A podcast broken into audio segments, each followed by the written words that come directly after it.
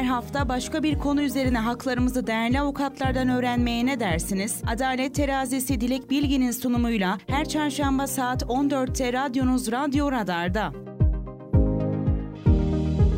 Dilek Bilgin'in hazırlayıp sunduğu Adalet Terazisi başlıyor. Ne ağız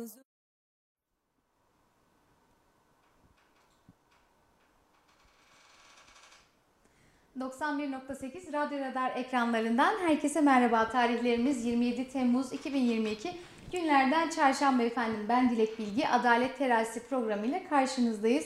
Ee, efendim çok kıymetli bir konuğum var. Ayla Gökşen, hukukçu Ayla Gökşen. Bugün İstanbul Sözleşmesi'ni konuşacağız Ayla Hanım'la. Hoş geldiniz Ayla Hanım. Teşekkür ediyorum. Hoş buldum Dilek Nasılsınız? iyi misiniz? İyiyim, çok naziksiniz. Siz nasılsınız? Çok teşekkür ederim. Ben de iyiyim. Ee, efendim konuya geçmeden önce biraz Ayla Hanım'ı tanıyalım istiyorum. Ayla Hanım biraz kendinizden teşekkür bahseder ediyorum. misiniz? Ee, ben Ayla Gökşen. 2018 yılında Yalova Üniversitesi Hukuk Fakültesinden mezun oldum. Aktif olarak Kayseri Barosu'nda avukatlık yapmaktayım. Bugün görüşeceğimiz, üzerine konuşacağımız İstanbul Sözleşmesi'nin feshine ilişkin Danıştay kararıyla alakalı da Kayseri Barosu'nun sözcülerinden olarak son duruşmasında katıldık. E, şimdilik söyleyeceklerim bu kadar. Şimdi ee, konuya giriş yaptığımızda ayrıntılarıyla birlikte konuşacağız. Tabii. Şimdi efendim e, biliyorsunuz İstanbul Sözleşmesi birçok ülkenin katılımıyla imzalanmış. Türkiye'nin öncülüğünü yaptığı bir sözleşmeydi. Kadın hakları üzerine yapılan bir sözleşmeydi. Kadınları koruyan bir sözleşmeydi. Geçtiğimiz yıl Nisan ayı e, itibariyle Cumhurbaşkanlığı kararı ile fesine e, daha doğrusu bizim çıkmamıza karar verilmişti. Bu noktada da birçok davalar açıldı.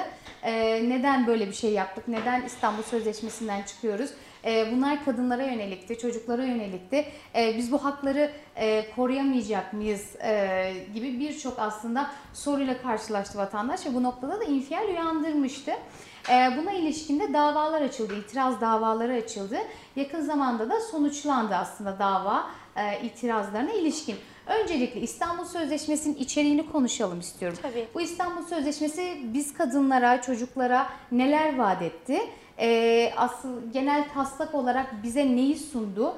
Ee, neden insanlar bu kadar karşı çıktı aslında? Bunları konuşalım. Bunun dışında da e, sonrasında davaya ilişkin sonuçlarının aslında e, olumlu mu olumsuz mu bize e, ne gibi zararları ya da bunun olmamasıyla birlikte hukukta karşılığı var mı? Biz bunları hukuken karşılayabiliyor muyuz sorularına geçelim istiyorum Ayla Hanım. Peki çok teşekkür ediyorum. Ee, Dilek Hanım e, bahsetmiş olduğunuz gibi başlıklar halinde ilerlersek konu bütünlüğünde sağlamış oluruz. Tabii. Şimdi Danıştay'da ilk derece mahkemesi olarak görülmüş olan davada açılmış olan tüm davaların 3'e 2 oy çokluğuyla reddine karar verildi. Alınan kararın isabetli olmadığı kanaatindeyim. Öncelikle kanaatimi belirtmek isterim. Gerekçeleriyle de altını dolduracağız. Tabii. Şimdi e, Cumhurbaşkanlığı kararnamesiyle alınmış olması sebebiyle yürütmenin böyle Hı. bir yetkisi olmamasından kaynaklı olarak ilk başta usul yönünden sakat bir karar söz konusu. Hı Şöyle ki anayasanın 90. maddesinde düzenlendiği üzere e, milletler arası anlaşmalara kabul etme, milletler arası anlaşmalara katılma, onaylanması, feshedilmesi veya çekince sunulması gibi durumlarda öncelikle Türkiye Büyük Millet Meclisi tarafından bir uygunluk kararı alınması gerekiyor. Hı hı. Akabinde bu uygunluk kararı doğrultusunda Cumhurbaşkanlığı tarafından onaylama yapılması gerekiyor. Evet. Düzenleme bu şekildeyken yani Cumhurbaşkanlığının e, idari terimiyle birlikte söylersek yürütmenin bu alanda işlem yapabilmesi hı hı. yasamanın işlemin uygunluğu yönünde karar almasına bağlanmış. Evet. Şarta bağlı bir yetki sunulmuş. Dolayısıyla Cumhurbaşkanlığı kararnamesiyle e, sözleşmenin feshedilmesi bir kere usulen uygun olmuyor. Şekle bir aykırılık söz konusu. Evet. Danıştay 10. Dairesinin vermiş olduğu kararda karşı oy belirten iki üyenin de üzerinde durduğu hususlardan birisi budur ki duruşmalarda bu hususta kendimizi iki üye bakımından anlatabildiğimizi, anlaşabildiğimizi düşünmekteyim. Şöyle ki Cumhurbaşkanlığı tarafından karar alınabilmesinde yetki paylaşımı var. Az önce bahsetmiş olduğum hı hı. gibi. Bir de yetkide ve e, paralellik durum söz konusu. Yetkide ve usulde paralellik söz konusu. Hı hı. Bunu da şöyle açıklamak istiyorum. Herhangi bir işlem, hukuki işlem evet. hangi koşullarda, hangi şartlarda ve şekillerde alınıyorsa bu işlemin ortadan kaldırılması da yine aynı şekle ve usule tabidir. Bu yetkide ve usulde paralellik ilkesi olarak karşımıza çıkar. E, milletler arası anlaşmalara katılmanın milletler arası anlaşmalara imza koymanın ne şekilde yapılacağı anayasa, anayasamızda düzenlenmiş.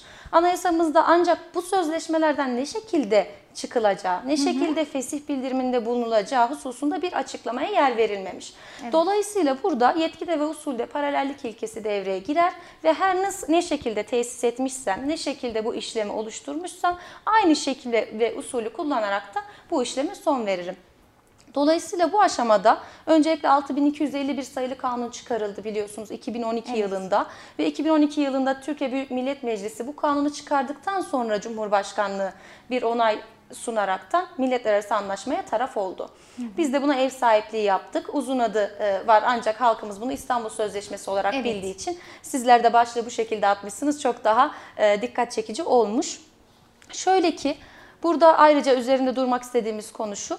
6251 sayılı kanun Türkiye Büyük Millet Meclisi tarafından bu sözleşmeye katılmanın uygun bulunduğu kanun yürürlükte iken bu kanunu yürürlükten kaldırmadan doğrudan Cumhurbaşkanlığı tarafından bir kararname düzenlenmek suretiyle sözleşmenin feshedilmesi yine usule aykırıdır. Yine şekle aykırıdır. Hmm. Çünkü bu bu kanun yürürlükte kalmaya devam ediyorken öncelikle bu kanunun yürürlükten kaldırılması gerekir.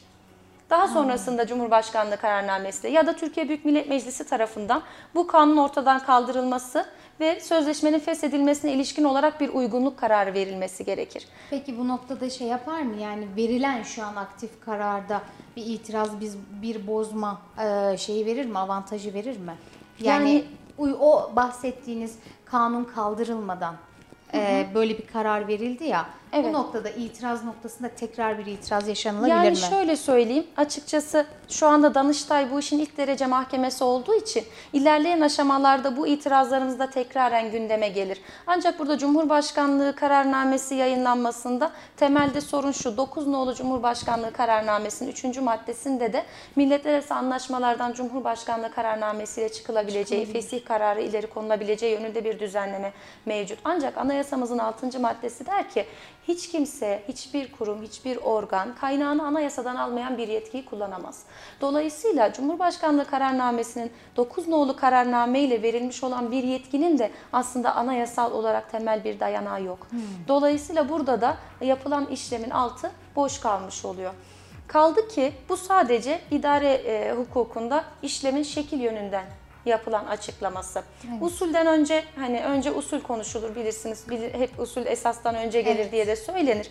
Yani usulü olarak yanlış olan bir işlem orta yerdeyken işin esasına girmeye gerek yok pek çok davada. Ancak bu öyle bir konu ki e, hiç kimse bu konuda esasa girmekten de kendisini alıkoyamaz. Çünkü kadınlarımızı aslında herkesi toplumsal cinsiyet eşitliğinden e, temel almakta olduğu için bu sözleşme herkesi kadın erkek fark etmeksizin herkesi ilgilendiren, herkesin hayatında önemli değişiklikler yaratabilecek, varlığının ve yokluğunun önemli değişiklikler yaratabilecek bir sözleşme. Ee, bilhassa kadınlarımızı tabii ki önde tutuyor. Buradaki mesele de şu, söylemleri değiştirecek bir sözleşme. Söylemler değişirse pek çok şey değişir. Bunu şöyle ifade edeyim. Toplumsal cinsiyeti nasıl tanımlıyor sözleşme? Kadına ve erkeğe bütün sosyal toplumlarda bu tabii ki sözleşmeye taraf olan bütün ülkelerde değişiklik gösterir. Her ülkenin sosyolojik yapısına bağlı olarak hı hı. kadına ve erkeğe karşı tanımlanmış olan roller, edimler, davranışlar, söylemler bütün bunları düzenleyen ve kadın ve erkek için sosyolojik manada ve her ülke bazında ayrı ayrı öngörülen rolleri ifade etmekte. Ve der ki sözleşme bu sözleşmeye taraf olan bütün ülkeler, imza koyan bütün ülkeler belirli başlı sorumlulukları almak zorundadır. Bunu söyler. Der ki sen bu sözleşmeye tarafsan kadınları ve erkekleri cinsiyet manasında toplumsal cinsiyet eşitliğini sağlayacaksın. Gerekiyorsa pozitif ayrımcılık yapacaksın ve burada yapacağın pozitif hmm. ayrımcılık da temelde bir ayrımcılık olarak gözetilmeyecek. Çünkü burada amaç cinsiyetler bakımından eşitliği sağlamak, yine kadına karşı şiddetin önlenmesi noktasında e, gerek aile içerisinde yaşanan şiddetler, gerekse hiç tanımadığı birisi tarafından salt kadın olduğu için, salt cinsiyetinden yola çıkarak e, gerçekleştirilen şiddet eylemlerinin önüne geçilmesi. Bakın buraya çok dikkat etmek gerekiyor. Önüne geçilmesi. Yani aslında sözleşmenin amacı belli başlı sorunların, şiddet eylemlerinin, toplumsal cinsiyetteki eşitsizliğin dengelenmesi noktasında devleti önlem almaya çağırıyor. Mağdur olan kişileri korumaya, kollamaya, onları gözetmeye, oluşabilecek muhtemel tehlikelerin önünü e, engellemeye, önlem almaya. Hı hı. Yani bu gibi şeyler noktasında önlemler noktasında devletleri sorumlu tutuyor. Ve emredici nitelikte bu yöndeki e, hükümlerde. Dolayısıyla e, takdir ederseniz ben şahsi kanaatimi söyleyeceğim. E, süreç boyunca gerek duruşmalarda olsun, gerek e, Cumhurbaşkanlığı tarafından yayınlanan gerekçe demek evet. istemiyorum. Gerekçe adı altında bahsedilen bir iki cümle olsun. Buraların hiçbirinde e, tatmin eder bir gerekçe bulunmamakta. Kamu yararına ilişkin herhangi bir açıklama bulunmamakta. Tam tersine somut olaya baktığımızda, yaşantıya baktığımızda herhangi bir şekilde bizim iç hukukumuzun veya uygulanabilir bir yasamızın mevcudiyeti veya önlenmiş bir e, şiddet eylemi anımsıyorsanız lütfen paylaşın. Yani hmm. takip ettiğimiz haberlerin hepsinde bilhassa bir kısmını sizlerin yayınladığı, bir evet. kısmını diğer e, haber mecralarından öğrendiğimiz haberlerin hepsinde olay yaşandıktan sonra, ölüm gerçekleştikten sonra veya e, ölmek üzere olan bir kişinin yoğun bakımda kurtulacak mı acaba şeklinde dualarla beklenirken görüyoruz ve haberler hep bu şekilde. Ben şöyle bir habere maalesef rastlamadım. E, umarım benim ihlalimdir de böyle haberlerde vardır. E, işte falanca kişi A kişisi B kişisine veya bir erkek bir kadına veya bir kadın bir erkeğin hayatına kastedecekti. Böyle böyle bir takiple vesaire korumaya aldık kendisini kurtardık. Yok ya yanmış oluyor ya e, gömülmüş oluyor ya parçalanıp atılmış oluyor. Şimdi bizim hangi iç hukukumuz, hangi maddelerimizle kaldı ki kaldı ki bizim iç, iç hukukumuzda 6284 sayılı yasa var biliyorsunuz. Evet. Bu yasa temelini nereden alıyor? İstanbul Sözleşmesi'nden alıyor. Doğrudan atıfta bulunuyor. İstanbul Sözleşmesi'nde belirtilen kriterlere göre hareket edilir. İstanbul Sözleşmesi'nde belirtilen usule göre hareket edilir. Doğrudan atıfta bulunuyor. Ben İstanbul Sözleşmesi'nden çekildim, fes feshettim. Türkiye bakımından. Peki bu kanun? E peki iç hukuktaki boşlukları nasıl dolduracağız? Madem ki bir fesih gerçekleşecek ve gerçekten iş hukukunun da bu konuda yeterli olduğunu düşünüyorum. O halde ben önce ne yapmalıyım? Öncelikle usule uygun bir şekilde bu kararı almalıyım. Hani hukuki hı hı. zeminde konuşuyoruz. Esas bakımından çok büyük yaralar açar, çok savunmasız kılar yani toplumumuzu, kadınlarımızı. Evet. Bu su götürmez bir gerçek. Yani bugün burada dosyaları açılmış, kapanmış bütün e, kadınlarımızın üzerinden de konuşsak bu yayını bitiremeyiz zaten. Hani bu su götürmez bir gerçek. Dolayısıyla öncelikle usule ve şekle uygun bir şekilde karar alınması gerekir. Bu karar alınmadan önce de devlet olarak e, yasama organı olarak, yürütme organı olarak benim vatandaşım olası bir durumla karşılaştığında neye göre hareket edecek? 62-84 yürürlükte. Şimdi ben gittim 62-84'e göre işlem yapacağım. Doğrudan İstanbul Sözleşmesi'ni gösteriyor. Çıktım yürürlükte yok. Boşluktayım. Nereden e, benim insanım burada koruma altında olacak? Devlete ve hukuka, hukuk güvenliğini nasıl tesis edeceğim? Yani ne kadardır e, seviyesi bilinmez. İstatistikten istatistike göre de değişir ama hukuk güvenliğinin hangi oranda olduğunu bilmediğim bu ülkede Hı hı. Var olan hukuk güvenliğini de ben yok edersem, insanların toplum barışına ve e, hukuk güvenliğine olan inancını sarsarsam bunu yeniden tesis etmem de zorlaşır. Dolayısıyla arka planda iç hukukumda oluşacak boşlukları düzenlemeli. Burada 62-84'te olsun, diğer kanunlarımızda olsun, doğrudan İstanbul Sözleşmesi'ne atıf yapılan kanunlarımızda, iç hukukumuzda gerekli düzenlemeyi yapmak Hı hı. Zaten hukukumuzda belli başlı yeterince boşluk var yani. Ama bu noktada lafınızı bölüyorum kusura bakmayın. Ee, e, dava sonuçlandıktan sonra yapılan bir açıklama vardı. Bizim hukukumuzda zaten e, biz de koruyorduk. Bununla İstanbul Sözleşmesi ile destekledik. E, ancak e, bizim hani hukukumuzda buna yeterli. İstanbul Sözleşmesi olmadan da e, yani bu su götürülür e, şeklinde bir ibare söylendi. Evet. E, ya bu noktada Böyle bir şey söyleniyorsa ki sizin söylediklerinizde ciddi ters baktığımızda açıklama o Evet. zaman. Ee, şimdi İstanbul Sözleşmesi'ne e, sözleşmesine atıf yapılan o tüm kanunlarda tekrar bir düzenlemeye gidilmek zorunda. Tabii Ee, O ki. zaman şu an bu noktada e, bir hareket var mı? Yani madem böyle bir şey çektiniz, kanunda atıf yapılan birçok kanun var bu noktada. E o zaman bu sözleşmenin e, yerini dolduracak o kanunlarda nasıl bir çalışma var? Yani Heh, en azından çok yola basit. girildi mi? Şöyle olmalı yani e, aynı yürütme veya bu açıklamaları yapan aynı danışmanlar şunu söyleyebilmeli. Tek başına benim iç hukukum bu konuda yeterli. Biz zaten koruyorduk. Ya koruyorduk diye bir şey yok. Duk dersen zaten koruyamadıklarının listesi de e, hayli fazla baktığımız zaman. Evet. Dolayısıyla iç hukukum yeterli diyorsan iç hukukum şu maddesiyle yeterli. Şu şekilde uygulanabilir demek lazım. Bugün kadına karşı hakarettir, şiddettir pek çok dosyada e, biliyorsunuz yeni infaz yasamız dolayısıyla doğru düzgün infaz edilebilir bir ceza da çıkmıyor zaten. Son raddede e, son duruşmadan önce olması lazım. E, Danıştay'ın son duruşmasından önce, karar duruşmasından önce e, ısrarlı takip suç oldu diye bir hemen açıklama yapıldı. Denk gelmişsinizdir. Resmi Evet, gazetede evet. yayınlandı. Düzenlenen makas aralığına bakarsak aleyhimize bir durum, hiç de lehimize bir düzenleme değil. Ayrı bir oturum gerektirir. Fazla ayrıntısına girmek istemiyorum hani konudan sapmamak için ama e, aslında bu biz bir şeyler yapıyoruz. Göstergesi olarak değerlendirdik bizler. Kadın Hakları Komisyonları olarak aramızda yaptığımız istişarelerde de bu şekilde konuştuk. Hani hiçbir şekilde e, şu anda uygulanabilirliği olmayan, sınırları çizilmemiş, uygulamada yansıması oluşmamış, oturmamış bir düzenleme. Biz uğraşıyoruz görseli. Ama bunun dışında şöyle bir şey var mı? 62-84'te düzenleme yaptık. Şu şu maddelerin değişikliğine gidilmesi veya biz mecliste böyle bir tasarı oluşturduk. Evet. Bu gibi bir çalışmayı da gönül rahatlığıyla ve gururla söyleyebilmek lazım. Yani bunu söylemek de e, bunu iddia edene düşer. Olsa zaten resmi gazetede de yayınlanmış olur. Bizler de deriz ki onu eleştiriyor olurum mesela burada. Derim ki o madde yerine bu madde geldi. Bakın o daha çok koruyordu, bu korumuyor. Bu zayıf kaldı, şu kısmı eksik oldu gibi açıklamada yapardım.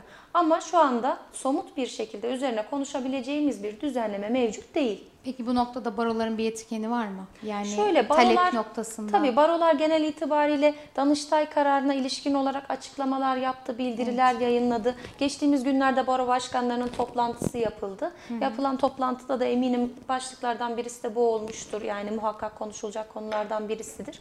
E, Şu anda çalışma içerisindeler elbette yani ileri aşamalara taşımak noktasında. Çünkü biz de e, Kayseri Barosu olarak takipçisiyiz, duruşmasına da katıldık. E, Devamı işlemlerde de tabii ki takipçisi olmaya devam edeceğiz. Ee, bu noktada bir kendi şahsi fikrim olmakla birlikte bir soru yöneltmek Hı hı, istiyorum. tabii. Aslında çokça karşılaştım. Evet. Sosyal medyada e, İstanbul Sözleşmesi çok ciddi infial uyandırdı bu kaldırma girişimiyle birlikte. Ancak bununla birlikte erkekler de çok ciddi oranda sosyal medyada söylemlerde bulundu. Evet. En büyük söylemlerden biri şuydu. Kadın ifadesi esas alınıyor. Ee, bunu kötüye kullanan kadınlarımız da var. Ben şöyle şöyle mağdur oldum deyip örnek sayan birçok erkeğimiz de vardı. Şimdi e, bu ilk kaldırılma döneminde de Sayın Cumhurbaşkanımızın aslında atıfta bulunduğu noktalardan biri buydu. Yani kurunun yanında yaş yanma muhabbeti. Yani evet e, çoğu insan haklı. Kadınlar çok ciddi mağdur ediliyor. Ancak bunu kötüye kullanan kadınlarımız da var. Bu noktada eşitliği sağlamak adına böyle bir girişimi e, öngördüklerini, bu girişimi yapma gereği duyduklarını söylediler. Bu noktada aslında e, erkeklerin de bu kadar e, ne derler baskı altında oldukları ve bu noktada çok ciddi e, hukuka aykırı ya da kadının esas ifadesinin esas alınıp erkeğin mağdur edildiği çok fazla olaya denk geldiniz mi? Şöyle söyleyeyim. Öncelikle erkeklerin bu konuda çok ciddi bir baskı altında olduğunu düşünmüyorum. Bu birincisi. 62-84 sayılı kanun bizim ülkemizde çıkarıldı. Evet. Bizim ülkemizde yerel olarak uygulanan iç hukukumuzun bir parçası. Ee, milletler arası bir anlaşma değil. Temelini İstanbul Sözleşmesi'nden alıyor olabilir. Ancak hem bu sözleşmeyi e, affedersiniz hem bu kanunu iç hukukumuzda oluşturup hem de bu baskıyı ortadan kaldırmak istiyoruz diye bir açıklamayı veya bir e, böyle bir şeye dayanmayı ben kabul etmiyorum. Çünkü oluşturulmuş olan kanunda sadece her ne kadar kanunun lafzı ve ismi e, kadına karşı şiddet ve aile içi şiddete ilişkin e, olarak belirtilmiş. Ancak burada erkekler de uzaklaştırma kararı alabiliyor. Aynı evet. şekilde erkeklerin de beyanı dikkate alınıp tek başına erkeğin beyanıyla uzaklaştırma kararı verilebiliyor. Şimdi söylemler önemli demiştim ya ilk başta. Evet. Kanunun ismine bakarak veya e, toplumda toplum içerisinde veya kişilerin kendi başına gelen olaylardan doğal olarak yola çıkıp bu şekilde yargıya varmasını kısmen anlayabiliyorum. Ama şöyle bir durum var. Bizim önümüzde tabii ki bu hem erkek kanalında hem de kadın kanalında karşımıza çıktığı için biz daha objektif bakış açısı sergileyebiliyoruz. Şöyle ki her ne kadar bir kadın e, sadece beyanda bulunarak gidip tehdit altında olduğunu söyleyerek uzaklaştırma kararı alabiliyorsa pek tabii bir erkek tarafından da bunun yapılması mümkün. Örnek dosyalarımız da mevcut. Hmm. Yani bu aile şiddete karşı e, da bir düzenleme içerdiği için hem evet. kadını hem de erkeği koruyan bir kanun. Ve temelde her iki tarafın da itiraz hakkı var. Yani tek başına kadının beyanının alınarak ve beyanının doğrudur kabul edilerek erkeklerin baskı altında olduğu veya mağdur edildiği yönündeki e, düşünceleri ben kabul etmiyorum. Çünkü kanun bu uzaklaştırma kararını vermekle birlikte doğrudan karşı tarafa da tebliğ ile beraber itiraz etme hakkı sunmakta. Dolayısıyla e, yeterli ve gerekli delili ortaya koyup kendisini o noktada savunması mümkün. Bunlar mevcut olmuyor. Gerçekten mağdur olan olabiliyor mu? Maalesef denk geliyoruz. Tek tük mağdur olan kişiler de var gerçekten. Evet. Ama kadın sığınma evlerimiz bizim yeterli değil. Ne sayı olarak yeterli ne imkan olarak yeterli. Zaten orada bir açmaz var. Orada bir iyileştirme yapılması gerekiyor. Onun dışında e, erkekler bakımından böyle bir mekanizma gerçek geliştirilmemiş. Yani uzaklaştırılan erkek doğal olarak e, sinir katsayısında bir artış, daha fazla tahrik olma vesaire hususları gündeme geliyor. Şiddette artış, tehdit durumunda riskte artış bu gibi durumlarla karşı karşıya kalıyoruz. Bunun temelinde de yine hani sosyal devlet olmada e, ve hani imkanların artırılmasından geçiyor. Yani sosyal devlet olmadan daha sosyal devlet olmadan diyeyim artık. Yani evet. sosyal bir devletsek eğer ve imkanların daha da artırılması gerekiyor. Çünkü tek taraflı bakılıyor. Beyanda bulundu, evde de duramadın, evden de gitmek zorunda kaldın, dışarıdasın. Erkek bakımından da sığınılacak, gidilecek bir yer olmalı. İşte burada toplumsal e, cinsiyet eşitliği diyoruz ya, hı hı. toplum bunu çok farklı algılıyor. Kadına kadın olduğu için şiddet gösterilmesi ayrı bir şey kadınla erkek arasındaki cinsiyet eşitliğinin sağlanması ayrı bir şey. Yine erkeğe erkek olduğu için şiddet gösteren bir güruh da yok mu? Muhakkak var. Yani dolayısıyla bütün bunların eşitlenmesinden bahsediyoruz. Ama toplumda, vatandaşlarda bu şöyle bir algı yaratıyor. Benim gözlemlediğim kadarıyla işte kadınların güçlendirilmesi. Yani hı hı. kadın güçlenince ne olacak? Kadın güçlenince e, erkekleri mi ezecek?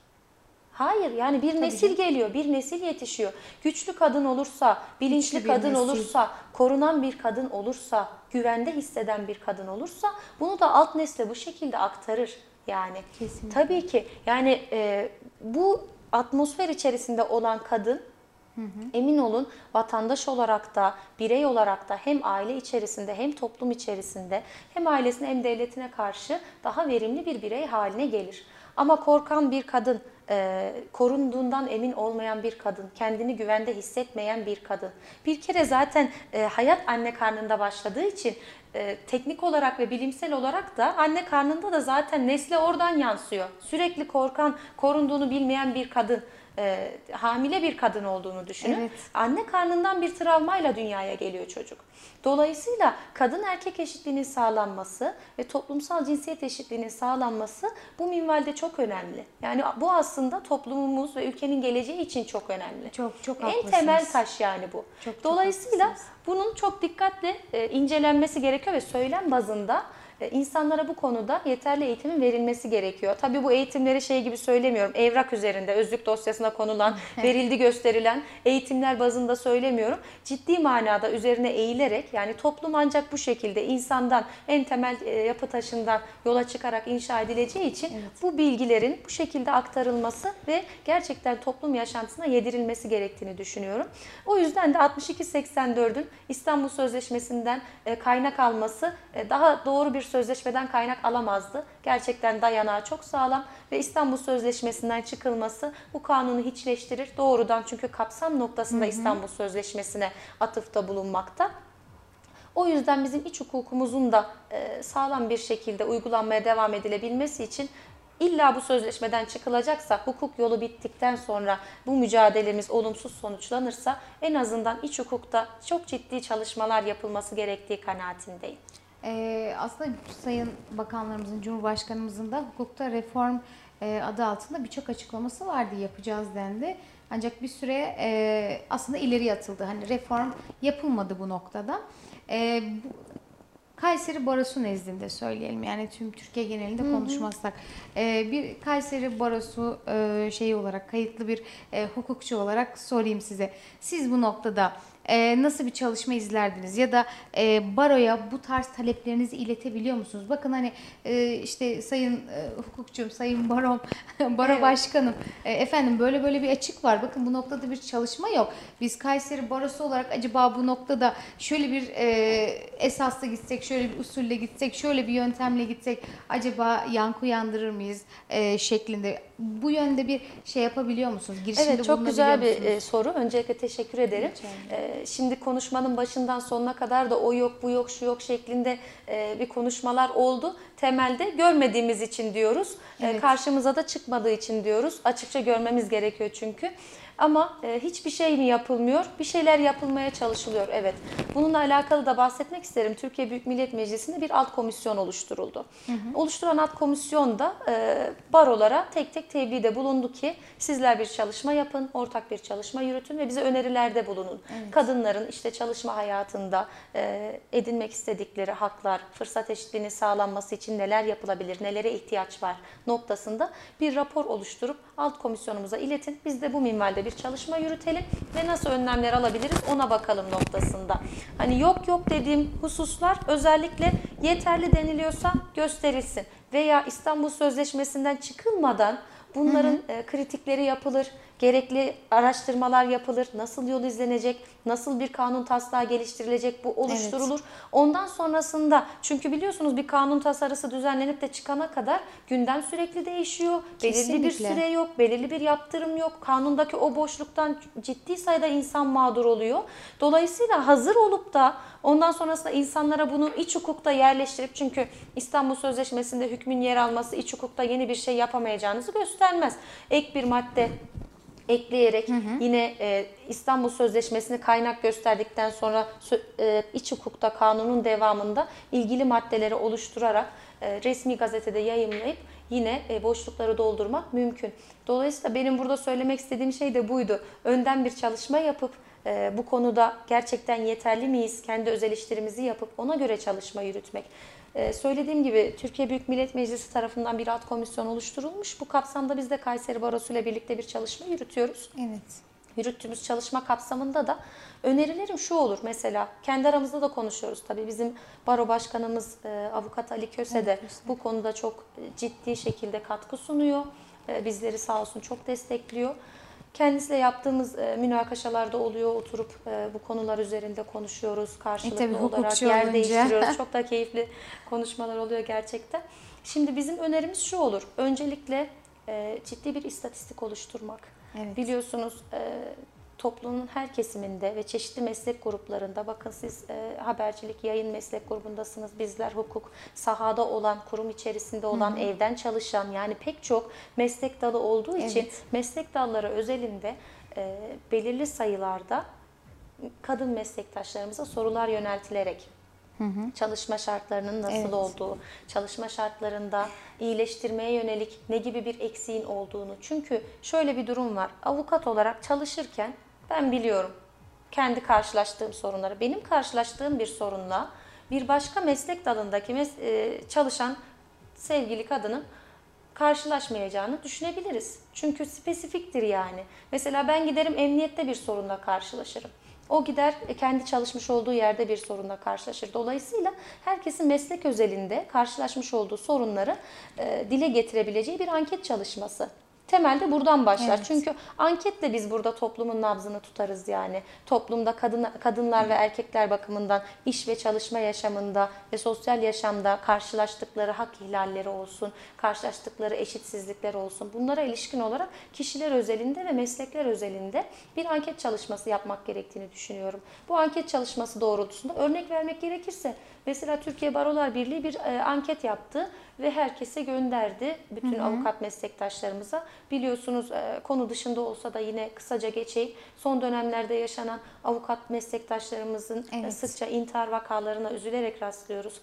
E, bu konuda mesela bizlere özel yine meslek kapsamında ve hani psikoloji manasında bir test olarak bir anket çalışması yürüttü. Sonuçlarını henüz e, paylaşmadılar. Belki tamamlanmamıştır bilmiyorum ama bu anket çalışmalarıyla meslek dalları içerisinde hani özellikle çalışılan meslek dalları içerisinde bir çalışma yürütülmeli. Daha sonra orada ağırlıkta önceliğe alınabilecek. Çünkü sonuçta herkese hitap edebilecek e, durumlar var. Kurum özelinde çöze- çözülebilecek durumlar var. Dolayısıyla herkese hitap edebilecek konulara seçilerek onlara öncelik verilmesi ve onlar üzerinde tartışılmasının mantıklı bir yol olacağını düşünüyorum. Yani insicamın bu şekilde belirlenmesi şahsi kanaatime göre uygun olacaktır. Çünkü bunun e, haksızlığa uğrayan veya işte e, problem yaşayan iş hayatında veya sosyal hayatında problem yaşayan dile getirecek ki arz talep meselesi. Bunun içinde yani arz talep meselesinin oluşması için de zaten bizim devlet olarak veya kurum olarak bir anket çalışması, diyaloğa geçme, vatandaşla temas etme. Evet. Yani bunu sağlamamız gerekiyor ki o orada derdini dile getirecek, söyleyecek, şu eksik diyecek, bu fazla diyecek. Ona göre de biz bir e, tasarı geliştireceğiz. Şimdi dediklerinize şöyle de bir hani destek e, vermek isterim. E, mesela 7 bölgeyiz. Her bir yerdeki yaşantı çok farklı. Kadınların yaşantısından çocukların büyüme şekline kadar aslında. E, mesela doğudaki bir hanımefendinin aile içi durumu ile e, Akdeniz'deki bir hanımefendinin aile içi standardı çok farklı. Bu noktada erkekten aldığı baskı, erkekten aldığı destek çok değişiyor. Şimdi baroların e, yani bu komisyonla birlikte baroların kendilerine gelen davalarla, dava içerikleriyle birlikte aslında çok güzel bir e, yol izlenecek kanunlar e, önerebileceğini de inanıyorum. Yani bu noktada iyi bir çalışma, gerçekten temiz bir çalışma yapılırsa ki bu titizliğin gösterileceğine de inanıyorum. E, bu noktada barolarımızın e, daha böyle içerik noktasında çeşitlendirme yaparak İstanbul Sözleşmesi kaldırıldı madem yerine konabilecek, yerini doldurabilecek hukuki maddelerle doldurması gerektiğini düşünüyorum ki bunun da yani toplumumuzda çok da ciddi geri dönüşü olacak, olumlu bir dönüşü olur diye de düşünüyorum. Tabii ki kesinlikle buna katılıyorum. Ee, dediğiniz gibi yani mutfak bu noktada baroların kendisi olabilir. Çünkü orada e, dosyalar dediğiniz gibi geliyor. Mesela adli yardım konusunda da adli yardım komisyonlarına gelen başvuru yapan e, vatandaşlar bakımından da sadece oradan bile yola çıksak çok ciddi hak ihlalleri, çok ciddi hani sosyal yaşantılardaki farklılıklar ortaya çıkacaktır. Her ne kadar başlangıçta toplumsal cinsiyet eşitliğinde tüm ülkelerin kendi sosyolojik yapısı olarak konuşsak Evet. da Türkiye bakımından tek bir sosyolojik yapıdan bahsetmek asla mümkün değil. Kesinlikle. Yani şimdi bir Ege tarafındaki yaşantıyla e, Doğu tarafındaki yaşantı kesinlikle aynı değil. Yani pek İç çok Anadolu'da kişi bile çok ciddi kesinlikle farklılık İç gösteriyor Anadolu'da illere bile göre. bölge bölge, e, ilçe ilçe farklılık göstermekte. Kesinlikle. E, dolayısıyla az önce söyledim ya adli yardım komisyonuna gelip başvuruda bulunup bu başvuruyu geri çeken, ekonomik olarak kendisini özgür hissetmeyen, korunacağından emin olmayan o kadar sayıda insan var ki. Dolayısıyla bu dosyaların değerlendirilip bir rapor oluşturulması da pekala mümkün. Oldukça emek ister ama bu emeği vermeye de değer diye düşünüyorum. Yani size çok sorumluluk bindirmek gibi duracak ama yani e, sırtlandığınız alan Tabii hukuk ki. alanı, adalet Tabii alanı. ki. Adalet mülkün temeli ise mülkü e, oluşturan, ayakta tutan kadınlarsa e, siz hukukçular olarak da önce kadınların e, bu noktada yani Kesinlikle hakkını öyle. gözetmeniz gerekir. Kesinlikle. Yani yoracak mı yoracak ama maşallah bizim ülkemizde de Yorsun. yeterince Yani- hukukçumuz var diye düşünüyorum en azından. yorsun ve hani bir kadın olarak e, Kayseri Barosu'nun sözcülüğünü yapmak, Danıştay'da bulunmak. e, olay tabii ki bana göre talihsiz bir olay. Yani buna denk gelmeyi şanslı Evet. görmüyorum ama burada mücadele vermeyi, e, burada emek etmeyi kendim için bir gurur meselesi olarak görüyorum. E, ben bir hukukçu olarak emeğimi esirgemem e, ve hemen pek çok da sevgili kadın hukukçumuz da var, erkek hukukçularımız da var. Hepsi de destek sağlıyor. En azından benim temas içerisinde olduğum Eminiz. kişiler sağlayacaklarını da temenni ediyorum yani. Peki şimdi konuyu aslında biraz açtık, biraz evet. hafif dağıttık falan ama davaya dönecek olursak bu verilen kararla birlikte artık biz bu karardan geri dönemiyor muyuz? Hayır. Ne yapacağız? Biz şöyle, bundan sonra nasıl bir yol izleyebiliriz? Tabii ki. Yani şöyle e, açmış olunan karar zaten burada yerel mahkeme olarak biliyorsunuz bu karar evet. verildi. Hı hı. Yerel mahkeme daha doğrusu ilk derece mahkemesi olarak Danıştay bu kararını verdi. Bundan sonrasında Danıştay'ın vermiş olduğu karara karşı yine hukuk yolunu e, kullanarak e, ilgili e, hukuk yolunu kullanarak biz itirazlarımızı gerçekleştireceğiz. Hukuk mücadelesi burada e, sona ermiş değil. Hı hı. E, karar da bu şekilde kaldırılmış değil. Çünkü e, tamamen yani Danıştay'ın vermiş olduğu karar şu an bu yönde. Üçte iki evet. çoğunlukla. Ancak hukuk mücadelesi burada bitmiş değil. Bundan sonrasında yine bütün barolar e, ve kadınlarla alakalı kadın hakları komisyonları ve kadın hakları örgütleri e, işte bu verilen kararın da takipçisi olacak. E, Kayseri Barosu'nun bu noktada Kayseri bir Barosu girişimi... bu konuda girişimi var ve Kayseri Barosu da bu konuda e, takipçisi olmaya devam ediyor. Öyle ee, söyleyeyim. Peki. Ee, biz aslında bu sözleşmeyi konuştuk, davayı konuştuk ama e, geri gelsin diyen taraf çok. E, bilmeyen vatandaşımız da çok. Şimdi İstanbul Sözleşmesi'nde evet kaldırdık. Biz imzamızı geri çektik biz onlardan ama İstanbul Sözleşmesi bizim e, yeterli olduğu söylenilen hukukumuzdan ayrı olarak içeriğinde ne barındırıyordu? İstanbul Sözleşmesi'nin içeriği çok zengin. Şöyle söyleyeyim. İstanbul Sözleşmesi kadınların e, korunması, herkesin diye başlamak istiyorum yine. Herkesin ve bilhassa kadınların korunması, toplumsal cinsiyet, cinsiyet eşitliğinin sağlanması, e, kişilerin eğitimlerini alması, uzmanlaşması, meslek dallarında uzmanlaşması, yine e, dünya genelinde konuşursak kadın sünnetlerine ilişkin hususlar, hı hı. Evet. E, çocuk yaştaki evlilikler, bütün bunlara ilişkin olarak düzenlemeler içermekte. Şimdi biz ülke olarak burada imzamızın bulunması demek e, sözleşmenin düzenlemiş olduğu bütün hususlardaki hukuksuzluğun karşısında duruyor olmamız demektir. Dolayısıyla bu da bir Türkiye'nin bir güç olarak e, yaşanılabilecek her türlü hak, hak ihlalinin karşısında hı hı. durduğu anlamına gelmektedir. Evet. Dolayısıyla e, İstanbul Sözleşmesi'nde kalınmasında ısrar edilmesinin en temel sebeplerinden birisi de bu zaten. Kesinlikle mesela kabul edilebilir bir şey değil. Ülkemizde yaşanmıyor olsa da e, beni en çok etkileyen konulardan birisidir. Kadın sünnetlerinin gerçekleştirilmesi. Bu çok büyük bir insanlık suçu. Kesinlikle. Yani bunun karşısında duruyorum diyoruz. Buna biz taraf olarak. Yani Orta Doğu'da, bunun Hindistan'da özellikle Dolayısıyla yapılıyor. evet özellikle oralarda yapılıyor ve hatta ulusal uluslararası basında da bizim İstanbul Sözleşmesi'nden çekilmemize ilişkin olarak e, aleyhimizde eleştiriler de yapıldı. Yani hmm. Cumhurbaşkanlığı da evet. bu konuda eleştirildi ve hiç e, hoş şekilde de eleştirilmedi. Bunun da siyasi bir karar olduğu yönünde çok ciddi açıklamalar var. Farklı düşüncede değilim. Yani 2011'de, 2012'de İstanbul Sözleşmesi'ne katılmak nasıl siyasi bir e, adımsa şu anda bundan çıkmak da siyasi bir adım yani. Evet. Tamamen siyasi bir e, hareket. Bunun hukukilikle, kadın haklarını korumayla, kadın haklarının önemiyle falan bir ilgisi olduğunu düşünmüyorum. Yani iç hukukla alakalı bir eksiğimiz varsa evet bunu her aşamada tamamlayalım. Ama sözleşmeye katılmak veya sözleşmeden çıkmak zamanında da yine Avrupa Birliği'ne, Avrupa Konseyi'ne katılmak noktasında siyasi bir adımdı. Evet. E, ki bundan çok yıllar sonra yani bu adım çok geç atıldı 62-84 sayılı kanun. Yani buna giriş yapıldıktan sonra İstanbul Sözleşmesi'ne çok çok sonra atılmış bir adım.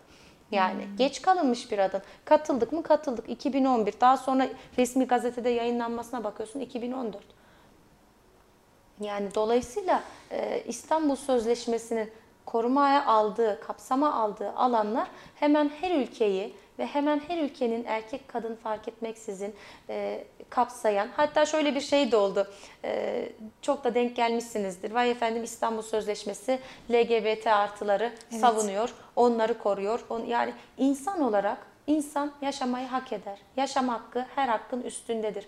Dolayısıyla cinsiyet zaten burada toplumsal cinsiyet eşitliğinden bahsediyor. Evet. Yani burada bir cinsiyet tartışması e, gerekmiyor. Sözleşmede de insanları cinsiyetleriyle veya tercihleriyle ötekileştirecekse, ayrımcılaştıracaksa İstanbul Sözleşmesi'nin e, nasıl bir mahiyeti anlamı olabilir? Yani toplumsal insana insan olduğu için değer veren, insanı Evet. insan olduğu kor- için koruyan ve insanı insan olduğu için korumaya değer gören bir sözleşme. Dolayısıyla e, LGBT artı mı, e, erkek mi, kadın mı fark etmeksizin herkese aynı hakkı, aynı korunmayı sunan, sağlayan ve devletlere bu konuda yaptırımlar öngören, devletlere bu konuda emredici nitelikte hükümler koyan bir sözleşmeden bahsediyoruz. Dolayısıyla bu sözleşme elbette iç hukukumuzdan e, dışarıda ve kanunların üzerinde e, normlar hiyerarşisinde kanunların üzerinde yer alan ve kanunlarla bir çatışma söz konusu olduğunda kanunlardan önce, değerlendirmeye alınacak olan e, sözleşmeden bahsediyoruz. Dolayısıyla bu sözleşmeden çıkmanın iyi olacağı yönünde bir e, kanaati destekleyemiyorum. Yani öyle söyleyeyim. Ee, çok teşekkür ederim. Konu da böyle alıp ederim. götürüyor. Hele özellikle konu kadınken toplumun temel Evet. taşıyken. Ee, Ayla Hanım biz de programımızın sonuna doğru yaklaşıyoruz. Son olarak söylemek istediğiniz şeyler var mı? Buradan kendi şahsi fikriniz olur ya da hukuken bir hukukçu olarak neler söylemek Teşekkür istersiniz? ediyorum. Ee, programın sonunda özellikle söylemek istediğim şey e, bu husus İstanbul Sözleşmesi'nden çıkılması veya İstanbul Sözleşmesi'nde kalınması veyahut çıkıldığı durumda yapılacak olan düzenlemeler bizim dönemimize denk gelmiştir. Bizim dönemimizde şu anda bu sözleşmenin ayakta tutulması veya sözleşmeden çıkılırsa eğer kadınlarımızı, çocuklarımızı, kadın erkek eşitliğinin sağlanması, bu özellikle hukuki ve fırsat eşitliği noktasında Evet. konuşuyoruz elbette. Bunun sağlanması noktasında ben dahil bütün hukukçuların ve bu hususta işlem yapabilecek, e, emek edebilecek herkesin sorumlu olduğunu düşünüyorum. E, ben bu hususta e, emek etmekten kendimi asla alıkoymam, geri koymam. Gerekli olan bütün işlemleri yaparım. Her türlü çalışmayı yapma noktasında da hazırım. Bütün hukukçuların da aynı hassasiyeti göstermesini, vatandaşlarımızın da lütfen okumasını ya da danışmasını, doğru bilgiyle doğru yorum yapmasını ki nesilleri etkileyecek bir durum. Bunu rica ederim bir hukukçu olarak. Ee, dediklerinize harfiyen katılıyorum. Dezenformasyon çok e, yaygın zaten halkımız içerisinde. Tam net araştırılmadan, konunun içeriğinin ne olduğu bilinmeden e, belli siyasi görüşlerimizin ya da taraf olduğumuz, savunduğumuz, benimsediğimiz fikirlerin tarafında yapılan açıklamalar körü körüne destekleniyor. Yani bu hani söylediğim şey siyasi parti, iktidar nezdinde bir şey değil. Tamamen toplumsal bir eleştiri. Kesinlikle katılıyorum. bu noktada dediğinize katılıyorum. Önce biz eğitileceğiz. Önce biz kendi, kendimize eğiteceğiz.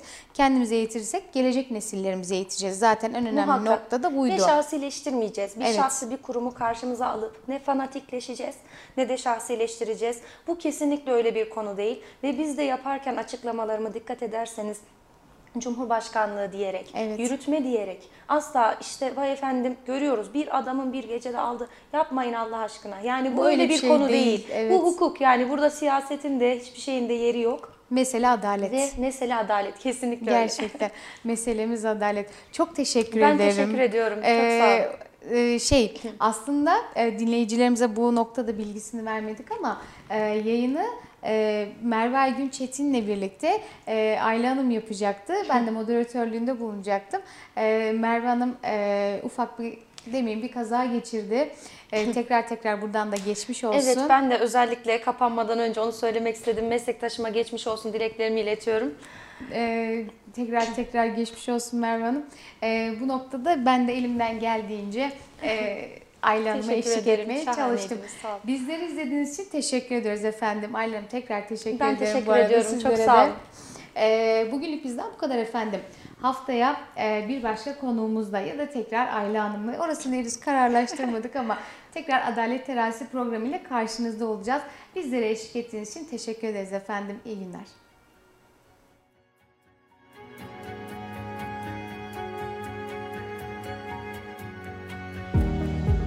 Dilek Bilgin'in hazırlayıp sunduğu Adalet Terazisi sona erdi.